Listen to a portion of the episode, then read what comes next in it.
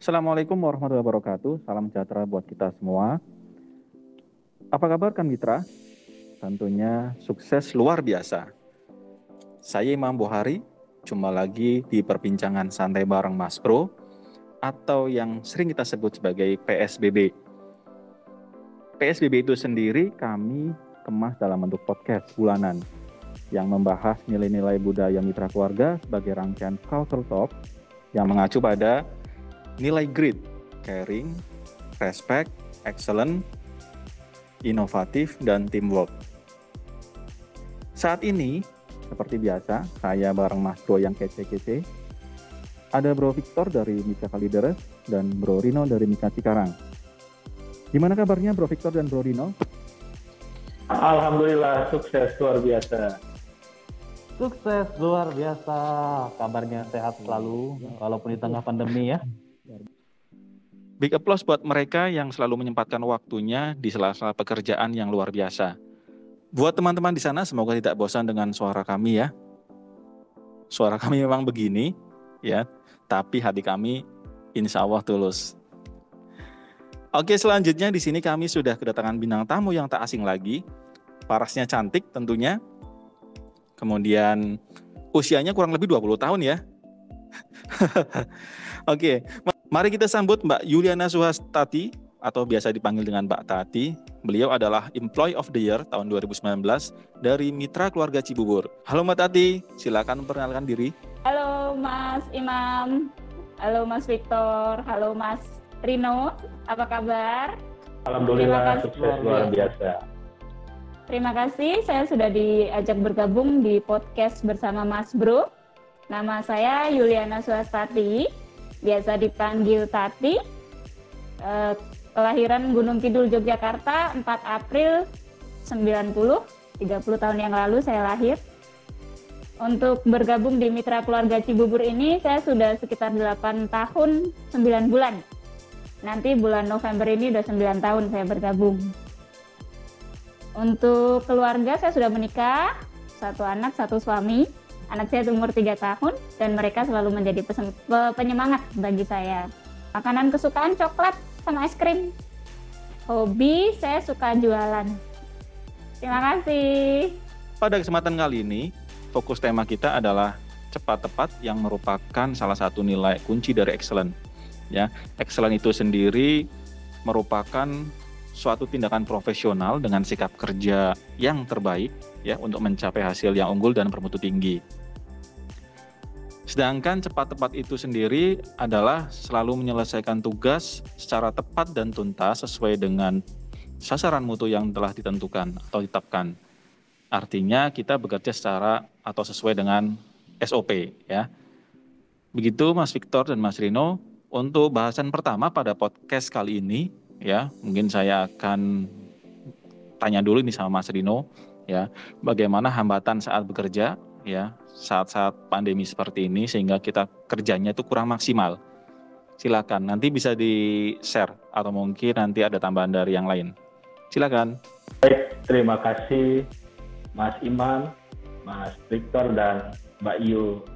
Tati jadi apa sih yang menjadi hambatan ya dalam bekerja sehingga kita terlambat untuk menyelesaikannya sehingga hasilnya itu kurang maksimal. Jadi yang pertama mungkin uh, terlambat untuk memulai.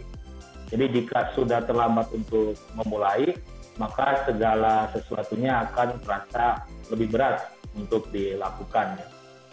Lalu uh, adanya gangguan-gangguan ya. Jadi kurang mengenali hal-hal apa saja yang sering mengganggu saat bekerja ya seperti banyak pikiran sehingga kita itu kurang fokus dalam bekerja ya menghabiskan waktu untuk melihat notifikasi dari medsos ya.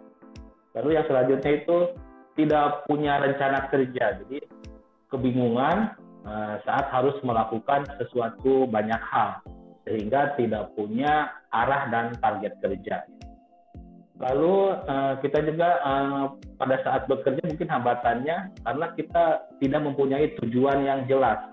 Karena kalau kita bekerja itu kita harus ada tujuan. Apalagi kalau tujuannya uh, sudah smart ya. Jadi uh, spesifik itu uh, terperinci ya lalu ada measure atau terukur ya lalu assignable itu dapat uh, dilakukan lalu realistis realistis itu uh, masuk akal itu uh, pekerjaan itu ada target dan tujuannya dan yang terakhir itu ada waktunya batas waktu atau time nah itu mungkin uh, hambatan-hambatan yang bisa terjadi sehingga kita dalam bekerja itu adanya keterlambatan dari tujuan atau target yang telah ditetapkan. Terima kasih, mungkin ada tambahan dari yang lain. Oke, baik Mas Rino, uh, sangat bagus ya jawabannya. Jadi memang uh, banyak sekali hambatan-hambatan dalam bekerja. Kalau kita memang tidak bisa mensiasatinya, memang agak uh, berisiko ya. Kemudian mungkin saya akan bertanya sama Mbak Tati ya. Mbak Tati itu kan di counter ya, front line ya. Ya benar. Oke. Okay. Uh, pasti untuk soal pekerjaan untuk frontline sendiri pasti harus cepat dan tepat ya karena mereka langsung berhadapan dengan pelanggan tentunya apa sih kiat-kiatnya kira-kira Mbak Tati? Untuk kiat-kiat bekerja supaya cepat dan tepat.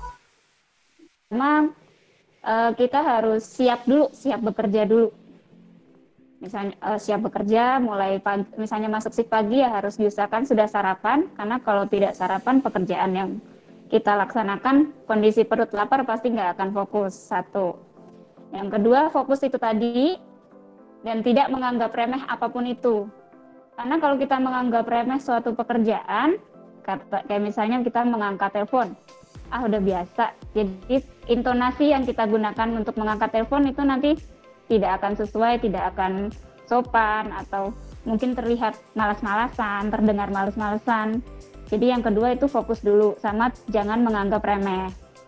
Yang ketiga, kita harus uh, yakin kalau kita menguasai materi. Apa yang kita sampaikan, informasi apa pun yang kita sampaikan kepada pasien, kita harus yakin bahwa informasi yang kita sampaikan ini benar.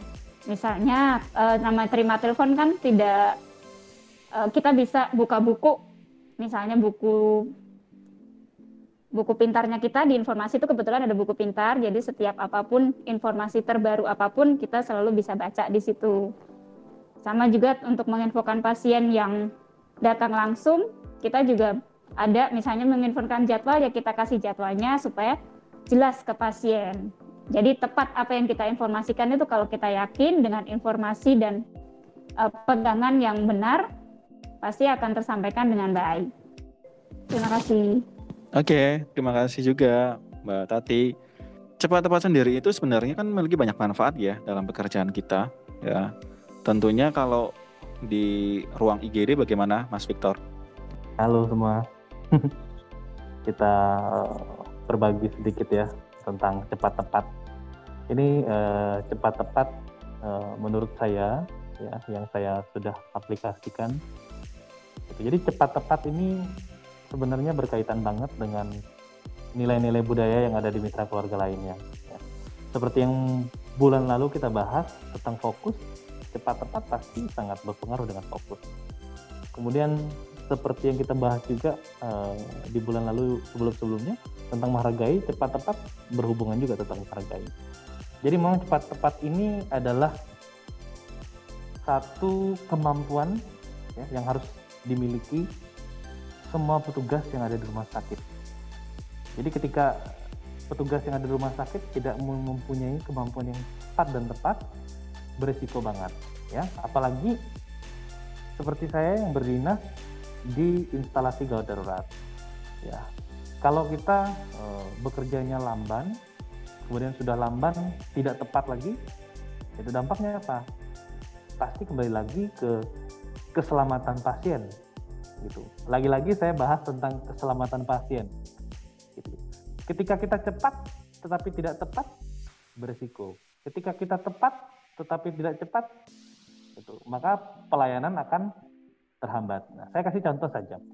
Misalnya kalau di IGD itu uh, salah satu uh, tentang kaitan dengan tentang tepat dan cepat adalah pada saat kita melakukan triase pada pasien Mungkin teman-teman juga sudah familiar ya tentang triase. Nah, pada saat triase adalah waktu eh, tugas untuk memilah kondisi pasien, mana yang mau ditangani terlebih dahulu, mana yang masih bisa menunggu, itu ya, mana yang masih perlu dirujuk untuk ke poli saja, tidak perlu masuk instalasi gawat Ketika pada waktu pemilihan itu petugas tidak mempunyai kemampuan dan tidak mempunyai ketepatan dan kecepatan, maka akan berisiko sekali. Bisa jadi pasien yang kita tangani adalah pasien yang sebenarnya belum membutuhkan penanganan secara cepat. Akhirnya dampaknya apa? Pasien yang benar-benar membutuhkan pelayanan secara cepat bisa terhambat. Itu, yaitu kurang lebih eh, apa namanya pengalaman kalau kaitan dengan IGD.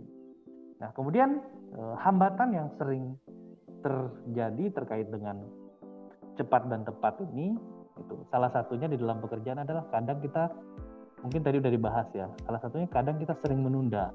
Itu menunda ini kaitan dengan sudah dibahas sama Mbak Tati tadi ya menunda kita biasanya menunda pekerjaan kadang kadang-kadang kita suka menyepelekan ah nanti aja lah gampang ini. Tunda dulu. Ujung-ujungnya nggak dilaksanakan akhirnya berdampak. Itu udah terlambat itu tidak tepat lagi akhirnya. Karena biasanya kalau sudah menunda biasanya kita kerjakan dalam waktu yang singkat relatif. Nah akhirnya apa? Hasil kerja juga nggak maksimal. Mungkin itu sih mas uh, Imam itu yang bisa saya bagikan tepat-tepat good answer.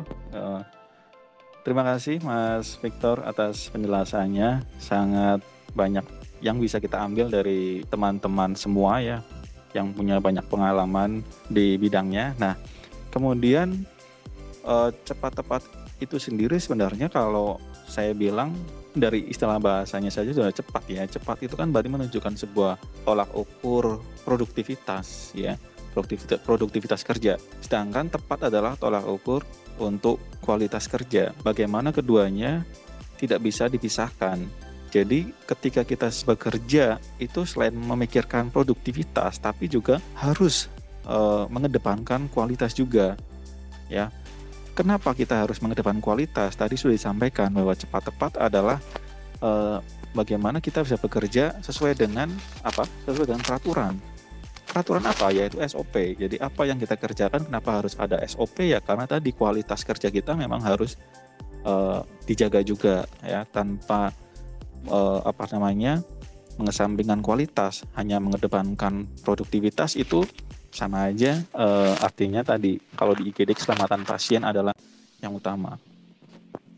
Kemudian ada beberapa hal yang memang bisa jadi perhatian teman-teman bahwa bagaimana kita bisa bekerja dengan cepat itu salah satunya mungkin uh, dengan ketersediaan alat dan barang ya alat dan bahan ya bagaimana kita bekerja kalau memang tidak ditunjang dengan peralatan yang uh, standar yang baik yang layak itu mungkin nggak akan bisa bisa dengan cepat ya. Kemudian lingkungan kerja lingkungan kerja itu juga sangat penting. Bagaimana support system itu bisa meningkatkan produktivitas hingga 70% ya Selain itu, sebelum kita memulai mungkin kita perlu membuat job desk ya. Kita perlu perlu memahami apa yang menjadi tugas utama kita, fungsi utama kita di unit masing-masing selain tanggung jawab yang harus kita emban. Selain daripada itu, sistem komunikasi dan cara pimpinan itu juga sangat mempengaruhi ya, teman-teman. Bagaimana uh, seorang pimpinan sangat memiliki uh, peran yang sangat vital ketika pekerjaan itu mau di bawa dengan cepat dan tepat atau sebaliknya. Nah itu juga peran pimpinan juga sangat berpengaruh. Di mana uh, dalam hal ini pimpinan yang suportif, kemudian pengertian, ya fleksibel dan dipercaya itu juga sangat membantu bawahannya ya. Ya mungkin itu ada hal-hal yang ingin disampaikan mungkin dari uh, teman-teman di sini, Bro Victor, Bro Rino, Mbak Yutati ya bagaimana penerapan cepat tepat itu kepada diri sendiri, atasan, bawahan, rekan kerja maupun pelanggan. Mungkin dari Bro Rino dulu, silakan. Baik, terima kasih Mas Imam. Nah, perilaku cepat tepat ini uh, bisa kita terapkan ya. Saya mau mengulas untuk cepat tepat kepada pelanggan ya. Tepat pada pelanggan ini artinya itu memberikan pelayanan yang melampaui ekspektasi pelanggan dan keluarganya ya. Jadi selalu menyelesaikan tugas secara cepat dan tuntas. Sebagai contoh kegiatannya, eh, kita bisa cepat dan tanggap untuk memberikan pelayanan yang terbaik kepada customer dalam kondisi apa pun ya. Lalu kita juga jika ada permasalahan mengenai asuhan pelayanan, kita akan cepat tanggap untuk menyelesaikan uh, dari permasalahan pasien tersebut ya. Baik Mas Victor dan Mas Imam itu uh, contoh perilaku cepat dan tepat uh, kepada pelanggan. Mungkin untuk yang lain bisa membahas uh, yang lain. Terima kasih Mas. Oke, kalau uh, dari saya tadi Mas Rino udah bahas tentang uh, pelanggan ya. Mungkin saya akan bahas uh, sisi cepat tepat ini dari dari sisi sebagai atasan ke bawahan. Nah, uh, dalam penerapan sehari-hari saya bercerita tentang uh, sehari-hari saja ya. Jadi salah satu yang bisa kita kerjakan uh, untuk perilaku cepat tepat ini untuk bawahan adalah kita mesti uh, responsibility-nya mesti cukup tinggi. Artinya kita mesti uh, punya sikap yang uh, responsif ketika uh, ada kebutuhan dari karyawan. Atau contohnya aja misalnya contoh, mungkin kita nggak bisa setiap saat mantengin sosial media seperti mungkin WA yang lainnya. Tapi ketika misalnya uh, ada telepon, misalnya pada saat kita tidak terlalu sibuk dari staff kita, kita bisa bantu. Mungkin dia punya sesuatu kendala yang bisa, yang harusnya kita bantu. Nah, dengan sikap responsif ini, ini juga akan membantu teman-teman staff kita juga. Dia akan pasti merasa, oh, eh, atasan saya punya caring yang cukup ya untuk saya. Artinya ketika punya masalah, dia paling nggak berespon aja dulu udah cukup. Apalagi kalau bisa membantu menghadirkan solusi untuk si stafnya ini. Tapi dengan berespon aja yang eh, cepat itu pasti sudah sangat-sangat cukup membantu. Kemudian selain itu ya mungkin kita bisa uh, berperilaku adil. Itu itu adalah salah satu sikap yang cepat dan tepat kepada uh, staf sehingga mereka merasa uh, dihargai. Itu. Ini kaitannya ke mana-mana yang memang larinya ya akhirnya cepat-tepat ini merasa dihargai. Akhirnya mereka juga bisa akhirnya mampu mengaktualisasikan diri sehingga juga pada saat bekerja mereka bisa juga menerapkan perilaku yang sama yaitu cepat tepat terhadap uh, customernya. Nah selain itu lagi uh, untuk perilaku cepat tepat ini kita bisa terapkan sangat-sangat bisa diterapkan itu khususnya pada masa pandemi ini. Artinya apa? Bisa jadi contoh kalau pada saat kita uh, di instalasi gawat darurat. Kan banyak pasien yang masuk, kondisi sekarang pasien benar-benar lagi uh, meningkat-meningkatnya dengan kasus yang cukup-cukup berat. Contoh pada saat teman-teman selesai uh, istirahat misalnya, habis istirahat kemudian makan, ada pasien yang minta tolong. Bisa jadi kita cepat menolong pasien, gitu, tapi tidak tepat.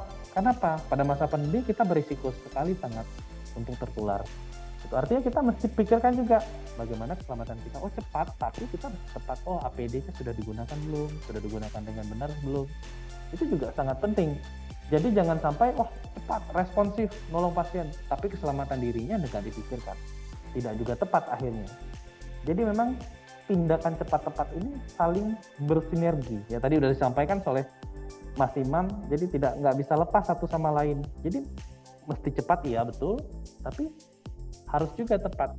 Jadi mempunyai keseimbangan satu sama lain. Kurang lebih begitu. Ya mungkin uh, saya pengen dengar dari Mbak Tati ya. Itu Mbak Tati pasti punya pengalaman yang cukup banyak kaitan dengan uh, tepat dan cepat ini di frontline. Ya, saya tahu betul pekerjaan frontline itu sangat-sangat membutuhkan kecepatan dan ketepatan.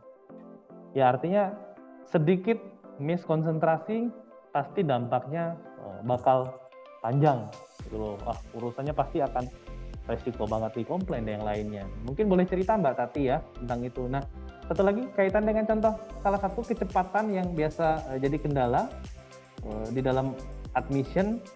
Misal contoh ada kadang-kadang pemulangan asuransi itu ya. kan faktornya bukan hanya di rumah sakit misalnya jadi ada ada jadi faktor dari uh, eksternal gimana tuh mengatasi uh, kendala-kendala seperti itu mbak itu boleh di share ke teman-teman uh, mitra keluarga lainnya baik terima kasih Mas Victor untuk pertanyaannya hampir ini hampir kayaknya hampir semua mitra pasti ada kendala apalagi untuk pemulangan pasien asuransi e, tidak banyak asuransi yang bisa memproses kepulangan pasien ini dengan cepat. Itu juga menjadi salah satu mungkin karena juga kurang fokus atau mungkin dia pengen cepat tapi ternyata kurang tepat. Benar sih kata Mas Victor tadi untuk cepat dan tepat ini memang saling berhubungan. Kita tidak bisa cepat saja karena itu pasti akan e, mengurangi ketepatan dalam kita bekerja. Jadi semua cepat harus dipikirkan juga dengan ketepatannya. Uh, kalau di frontline sih kebetulan kan saya sekarang di bagian informasi tapi merangkap di bagian mekamek untuk pengiriman obat. Mungkin yang bisa saya share adalah kecepatan pengiriman obat untuk pasien. Karena kan uh, di sini kita terima order dari pasien untuk pengiriman obat, uh, kita yang ngecek ke farmasinya obatnya sudah atau belum, kita lihat apakah sudah bisa di packing. Terkadang malah saya datang ke farmasi, ambil obatnya, kita packing sendiri supaya bisa cepat sampai ke pasien. Jadi pasien bisa cepat langsung minum obatnya karena kan pasti obat sangat dibutuhkan oleh pasien. Salah satu contoh itu di Nikamed. Kalau untuk di informasi sendiri, untuk cepat dan tepat itu mungkin uh, di penerimaan telepon dan pada saat kita ada pasien di depan, tapi posisi kita sedang menerima telepon. Dua-duanya kan tetap harus kita layani. Ya, sepintar-pintarnya kita aja untuk mengekat telepon dengan sopan. Misalnya ada pasien berbicara, mohon maaf Bapak ditunggu sebentar, kita hold kan pasien tidak akan mendengar suara kita. Kita layani dulu pasien yang di depan, Bapak apa yang diperlukan? Misalnya untuk pendaftaran tinggal kita arahkan. Paling tidak butuh waktu lama. Setelah pasien yang di depan kita sudah um, ke pendaftaran misalnya dia menanyakan tentang pendaftaran kita sudah arahkan ke pendaftaran kita bisa lanjut menerima teleponnya.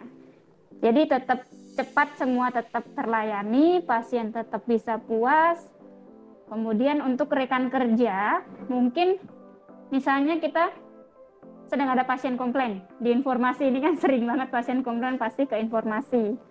Misalnya pasien kita, eh, teman kita kesulitan nih, ada pasien komplain marah-marah, seperti apa? Ya kita bantu, bantu. Kalau pasien dijawab oleh dua orang, pasti kan akan ada komplainnya pasti akan turun. Kita bantu, kita bantu teman kita yang misalnya lagi grogi atau takut mungkin, kita handle pasien komplainnya. Kebetulan uh, saya kan penanggung jawab di konter informasi. Ketika ada teman saya yang kena komplain, kalau saya bisa bantu bisa mungkin pasti saya handle pasiennya. Kalau misalnya ruangan customer service kosong, langsung saya ajak ke customer service, kita selesaikan dulu masalahnya. Karena kan customer service kita nggak 24 jam. Jadi ketika ada komplain, misalnya di siang hari tidak ada customer service, biasanya uh, aku akan langsung tangkap pasiennya supaya bisa kita ajak berbicara dengan baik, kita selesaikan masalahnya dengan cepat dan juga dengan tepat dengan solusi yang kita kasih. Terima kasih.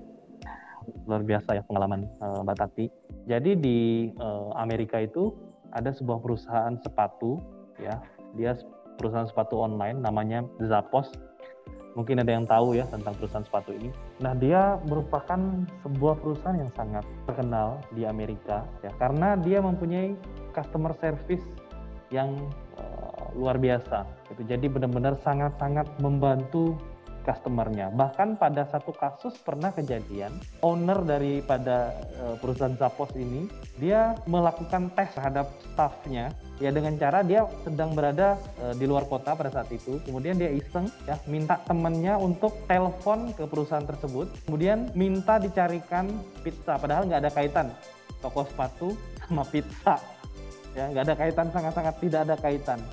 Cuma karena memang dia sangat terkenal di customer service-nya ya customer service-nya bahkan membantu menunjukkan lokasi terdekat pizza yang ada di daerah uh, tempat tinggal uh, orang yang menelpon tersebut. Bahkan sampai dilakukan pemesanan pizza pada uh, orang tersebut. Nah, apa sih yang pengen saya bagikan di cerita ini? Memang peran kita sangat uh, vital mungkin di bagian masing-masing. Uh, mungkin Mas Imam di IT ya pasti kalau tidak cepat dan tepat merespon dari keluhan-keluhan customer internalnya ya Mas ya. pasti akan terganggu pelayanan di bawah. Otomatis pelayanan di bawah juga akan terganggu cepat-tepatnya juga. Nah, akhirnya harapannya dengan kita mampu menerapkan sikap cepat dan tepat ini itu lagi-lagi uh, customer kita harapannya bisa terpuaskan keselamatan pasien bisa terjaga. Oke mantap banget nih jawaban dari teman-teman semua nih ya. Bro Victor, Bro Rino ya Mbak Yutati uh, memiliki banyak sekali pesan pesan-pesan yang memang bisa dibagikan ke teman-teman semua yang memang sangat penting bahwa yang namanya cepat dan tepat itu sekali lagi memang tidak bisa dipisahkan ya bahwa apa pun yang menjadi titik berat kita ketika kita bekerja selain kita mengedepankan kecepatan tentunya tadi dengan mengedepan kualitas. Dan mungkin ada beberapa hal yang tadi yang belum disampaikan bahwa penerapan cepat tepat selain kepada, pada bawahan rekan kerja ataupun mungkin pelanggan tapi juga bisa ke atasan.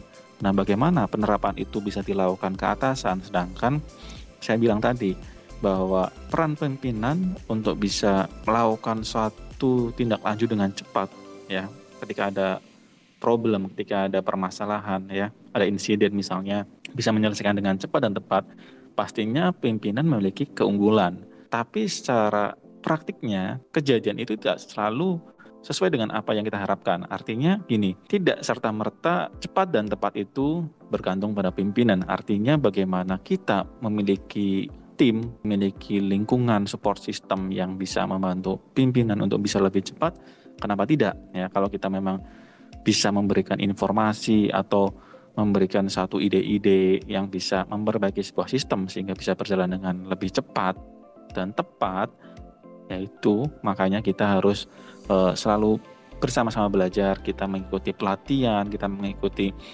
uh, apa namanya workshop supaya kemampuan kita selalu uh, upgrade ya. Apalagi di masa-masa sekarang banyak sekali pelatihan-pelatihan online yang mudah diikuti teman-teman semua walaupun effortnya berbeda ketika kita berada langsung ya pelatihan langsung di bertatap muka dengan uh, apa namanya narasumber tapi setidaknya untuk di masa-masa sekarang mengikuti pelatihan-pelatihan online adalah salah satu uh, upaya untuk bisa memperbaiki atau meningkatkan keterampilan dan pengetahuan kita. Ya mungkin uh, dari sekian tadi jawaban yang disampaikan teman-teman semua ya dari Bro Victor, Bro Rino dan Mbak Tati sudah mewakili apa aspek tepat dan tepat yang bisa kita lakukan di lingkungan mitra keluarga. Sekarang mungkin uh, ada sesi yang kita sebut sebagai uh, pertanyaan cepat ya.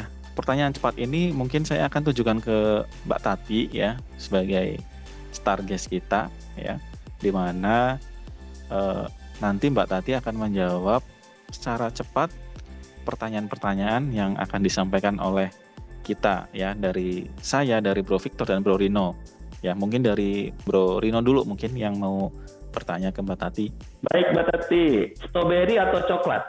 Coklat. Dari saya, counter atau informasi? Informasi. Oh, Sekdir atau informasi? informasi. Oke, baik teman-teman semua.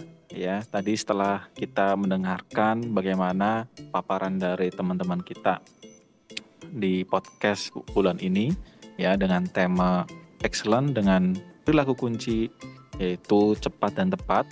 E, mungkin banyak sekali yang akan kita bisa ambil bagaimana kita bisa menerapkan, bagaimana pekerjaan kita bisa lebih cepat selesai dan bermutu. Untuk sesi berikutnya, ini adalah bagaimana kita bisa bekerja dengan baik di mitra keluarga. Ada tiga kata kunci sukses untuk teman-teman di sini. Ya, mungkin dari Mbak Tati dulu, ladies first. Tiga kata sukses dari saya pada sesi ini, niat, yakin, dan pasti bisa. Yeay, mantap. Yeay, mantap. Baiklah, sekarang dari Bro Rino, silakan. Baik, tiga kata kunci sukses dari saya pada kesempatan kali ini yaitu spesifik, measure, dan realistis. Terima kasih. Ajik. Oh, ajep, ajep, ajep. Tiga kata kunci sukses dari saya pada podcast kali ini yaitu cepat, tepat, dan dapat. Tepat. Mantap. Sip, luar biasa. Kunci sukses dari saya responsif, inovatif, dan inspiratif. Mantap. Ya, mantap. Oke baik rekan-rekan mitra yang ada di sana, terima kasih sudah mengikuti podcast kami dari bulan-bulan yang sebelumnya. Mudah-mudahan apa yang bisa kita bahas di podcast kali ini bisa uh, bermanfaat buat teman-teman di sana dan selalu mengingatkan dan tak bosan bahwa di saat-saat seperti ini hendaknya teman-teman jaga kesehatan ya, jangan lupa makanan-makanan yang bergizi, cukup istirahat dan berdoa sebelum bekerja. Terima kasih, sampai jumpa di podcast berikutnya. Wassalamualaikum warahmatullahi wabarakatuh.